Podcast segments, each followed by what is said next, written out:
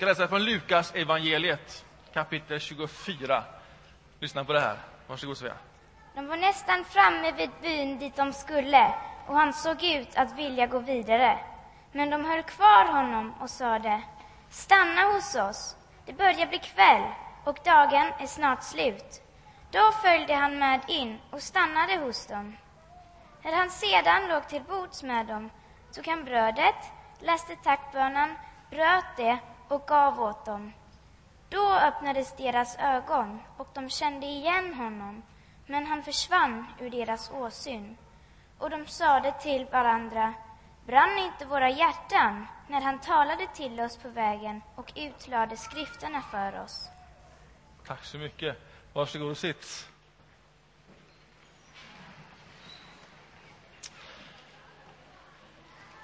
Jag ska börja min predikan med att dela ut lite klubbor. Eh, till alla som känner att man behöver lite energi och socker. Eh, om vi börjar med barnen så får vi se hur långt det räcker. Det är ett litet försök att bli populär så här innan jag börjar predika. Ja, just det. De vuxna kan ta dem med svart på, för de är mindre populära. Visst, stor uppståndelse här.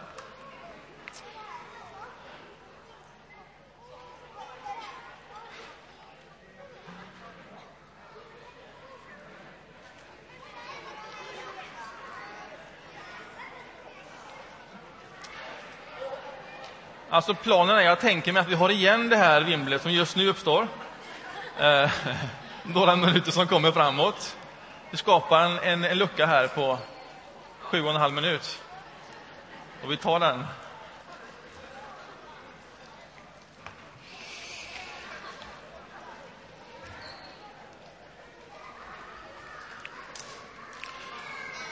Och när man har fått sin klubba och när man har öppnat upp den så är tanken att då tar man den i munnen så håller man den där i munnen.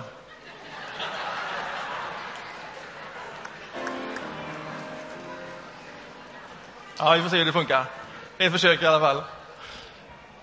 Det jag ska göra nu eh, det är att jag vill introducera er i det som sen kommer i gudstjänsten och det som händer i varje gudstjänst här i den här kyrkan. Nämligen att vi firar nattvard. Vi delar bröd och vin med varandra. Eh, och det vill jag göra så att vi förstår vad är detta som händer idag och som händer varje, varje söndag. Men jag ska börja i en annan ända. Eh, igår kväll var jag bjuden på middag. En helt enastående middag. Det var dukat upp en, en buffébord eh, av, av alla sorters sån här plockmat. Och jag går helt loss på plockmat. Man äter alldeles för mycket och alldeles för länge. Ett sånt bord var det. Det var så vackert och det var så gott. Och sen var hela lägenheten där vi var dekorerad. Den var mättad av symboler. Jag tog med mig två symboler därifrån. Så här såg det ut. Fullt med danska flaggor.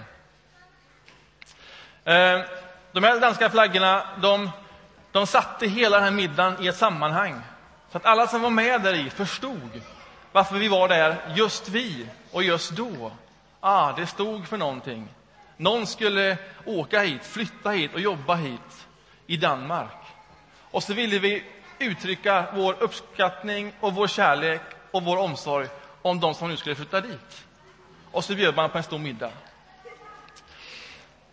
Och det var en alldeles fantastisk kväll. Om man nu ska förklara den kvällen eller försöka sätta ord på det, vad var det som hände den kvällen, så kan man göra det på väldigt många olika sätt. Dels så kan man ju gå igång på själva maten. Alltså, vad var det vi åt för någonting? Och så kan man börja beskriva de olika sorters skinkorna, hur de var torkade, vilka länder de kom ifrån. Man skulle kunna beskriva det utifrån någon form av eh, kaloriintag. Man skulle kunna beskriva det utifrån någon sorts glykemiskt index. Vad var vi med om? Alltså det finns många sätt och verkligen förstå vad det var vi stoppade i oss den kvällen. Eller man skulle kunna gå loss på symbolerna som talar om vad det var. Alltså hur är de här målade egentligen? Vem har gjort det här? Och vad står detta för? Vad är det för sorts flaggor? Vad är det för sorts land egentligen? Hur talar de där? Och det är naturligtvis viktigt. De här symbolerna säger någonting om kvällen.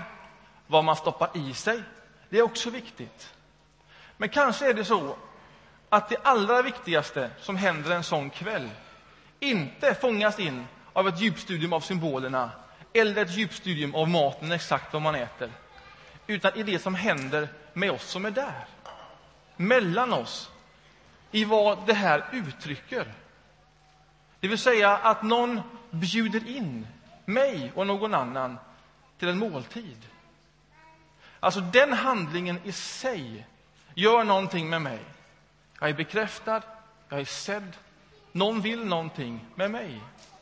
Och i det att man, om man får en sån inbjudan, bekräftar den och bejakar den och säger ja, så är själva bekräftandet och bejakandet någonting som gör någonting med mig och det gemenskapen och samlingen som sen blir. Så genom en måltid laddad med symboler händer någonting som är väldigt viktigt. Och det händer relationellt. Det händer emellan oss. Bibeln är full av den här typen av måltidsberättelser och festberättelser där någon bjuder in och där någon bejakar det.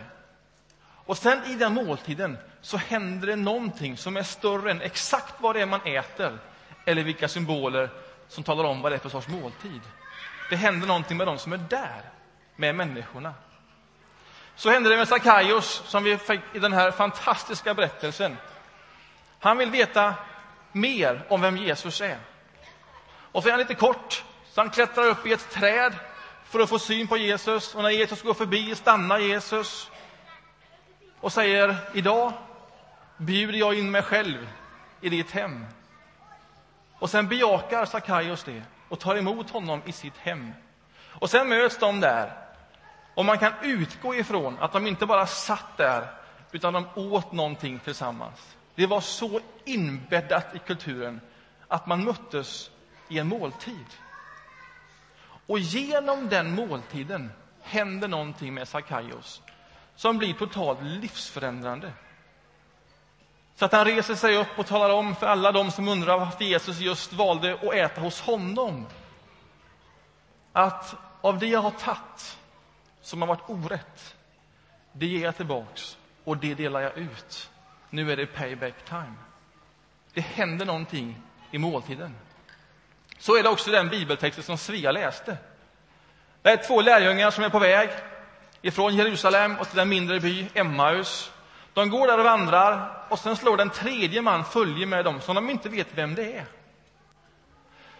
Men som ställer frågor och frågar vem de är, varför de ser sorgsna ut. Och de berättar, har du inte hört någonting om Jesus som har dött och så vidare. Och så fortsätter de att ställa frågor. Och så är det någonting i den här konversationen som triggar någonting hos dem. De uttrycker det så här, det var som att det liksom brann i våra hjärtan. Det var någonting som föddes i det samtalet utan att riktigt veta vad det var. Men de vill inte sluta där, så när de kommer fram så ber de att den här mannen ska komma in till dem, stanna där.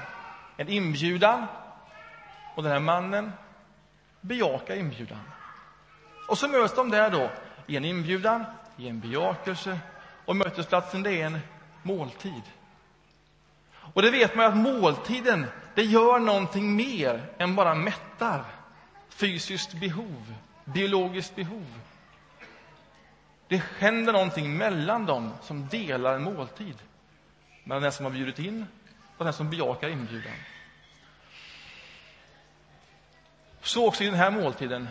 Och Lukas som berättar berättelsen om Sackaios och som sen berättar den här berättelsen, han laddar den här måltidsberättelsen med såna här symboler för att man ska förstå vad är det här för sorts måltid. Vad kan man tro om en sån här sorts måltid? Och det han laddar det med, det är de här orden. Fyra liksom uttryck. Lyssna här. Han tog ett bröd. Han läste tackbönen. Han bröt brödet och han gav åt dem att äta. Alltså samma uttryck som man använde i gudstjänsten under nattvarden. Samma uttryck som vi använder här. Och så lägger han in de här sortens symboler in i en vanlig måltidsgemenskap. som ger mycket mer än det man äter och symbolerna. Det händer någonting när man möts där i en sån inbjudan. Och när han gör det, när han bryter brödet, när han ger det åt dem, så plötsligt ser de vem det är de har samtalat med utan att veta vem det är de har samtalat med. Det är som att de får öppnade sinnen och så ser de, ja men det är ju han, det är ju Jesus som är där i mötesplatsen. Så här tänker vi oss om nattvarden. Nattvarden det är mycket mer än symbolerna, det är mycket mer än bröd och vin, precis. Det är när vi inbjuds till den och när vi bejakar det, så är det en mötesplats. En måltid som gör någonting med den som bjuder in och den som blir inbjuden. Och den som bjuder in, det är Jesus Kristus genom de ord som vi ger. Och här finns en möjlig mötesplats. En fördjupad relation. Vem får lov att fira nattvard? Vem får lov att ta emot bröd och vin här i kyrkan? Olika kyrkor har olika sätt att svara på det. Det växer fram olika traditioner. Det som är viktigt för den här kyrkan, i den traditionen där vi står, det är ett litet ord som heter frihet. Det har varit viktigt i hela den här baptiströrelsens tradition, frihet. Det betyder, det har varit viktigt för oss att själv få välja om jag vill tro eller inte tro. I den mån man nu kan välja det. Det är viktigt för oss att själv få välja vilken kyrka, om jag vill vara med i en kyrka. Det är viktigt för oss att man själv får lov att gå till sitt eget dop, om man vill det. Och det är viktigt för oss att man själv får välja om man vill ta emot bröd och vin eller inte. Det är en frihet och ett eget beslut. Och det som alltid förekommer frihet och beslut, det är ju någon form av förståelse. Utan förståelse och medvetenhet så är det svårt att känna frihet att säga ja eller säga nej. Så frihet och en egen förståelse av vad detta är, det är viktigt för oss. Och då säger vi så här i den här kyrkan. Den som vill söka Jesus Kristus, eller som vill närma sig honom, som vill veta mer om honom, ungefär som Sackaios, eller ungefär som de här männen på väg till Emmaus, som upplevde att det var någonting i konversationen som slog an någonting utan att exakt veta vad det var, men det var någonting och man ville närma sig detta. I den längtan i den viljan, i det sökandet, så är man välkommen att ta emot bröd och vin, en inbjudan till en måltid. Och i den måltiden finns en mötesplats med Jesus Kristus. Så tänker vi. Sen är det alltid lurigt när man säger förståelse. Man ska förstå det här för att kunna välja. Jag menar, hur mycket förstår man det jag nu har sagt? Hur mycket måste man förstå att bröd och vin symboliserar Jesu kropp och blod. Ja, men den kopplingen mellan min egen vilja att söka Jesus och vad symbolerna representerar, det är en grundläggande förståelse. Men hur mycket måste man förstå detta? När kan man säga att nu har jag förstått detta nog? Det är omöjligt. Alltså, om måltiden är mer än bara det vi äter och symbolerna, om måltiden faktiskt är ett möte som gör någonting emellan oss. Hur kan man förstå det? Det är och förblir ett mysterium som vi kan förstå någonting omkring. Ni vet när lärjungarna går från Jerusalem till Emmaus så anar de, de längtar, de trevar, de söker.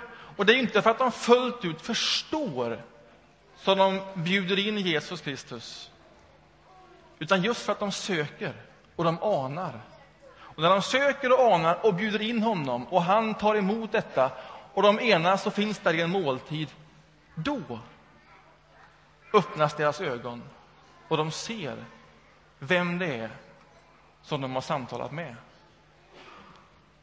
En grundläggande förståelse, men också en ödmjukhet att detta går inte att helt och fullt förstå.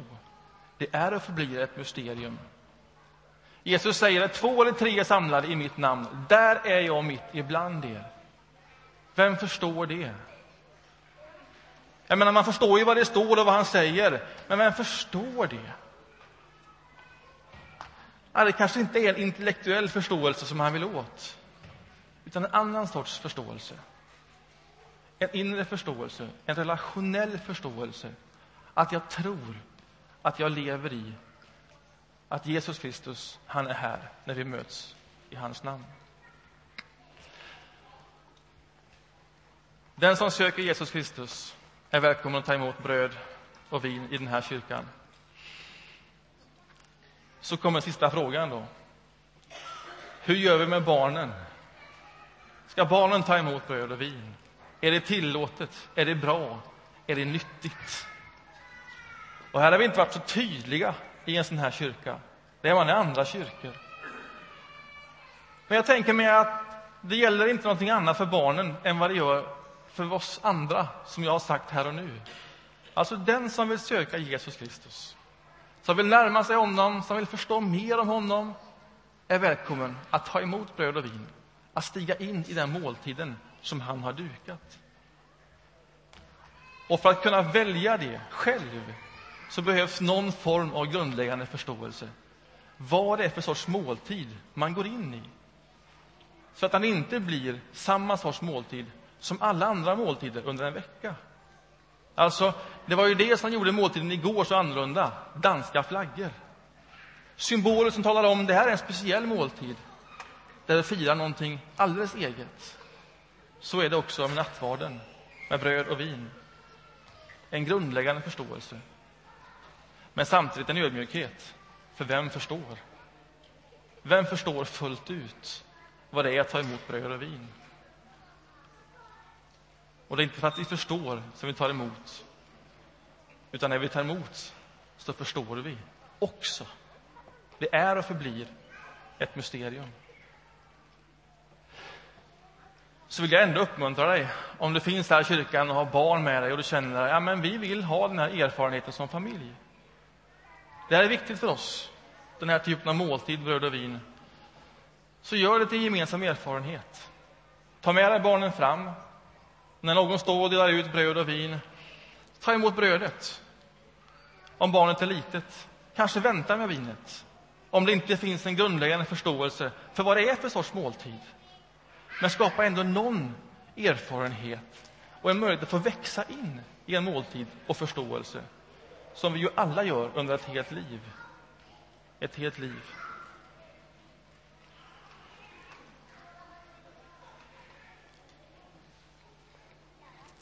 Snart är bordet dukat.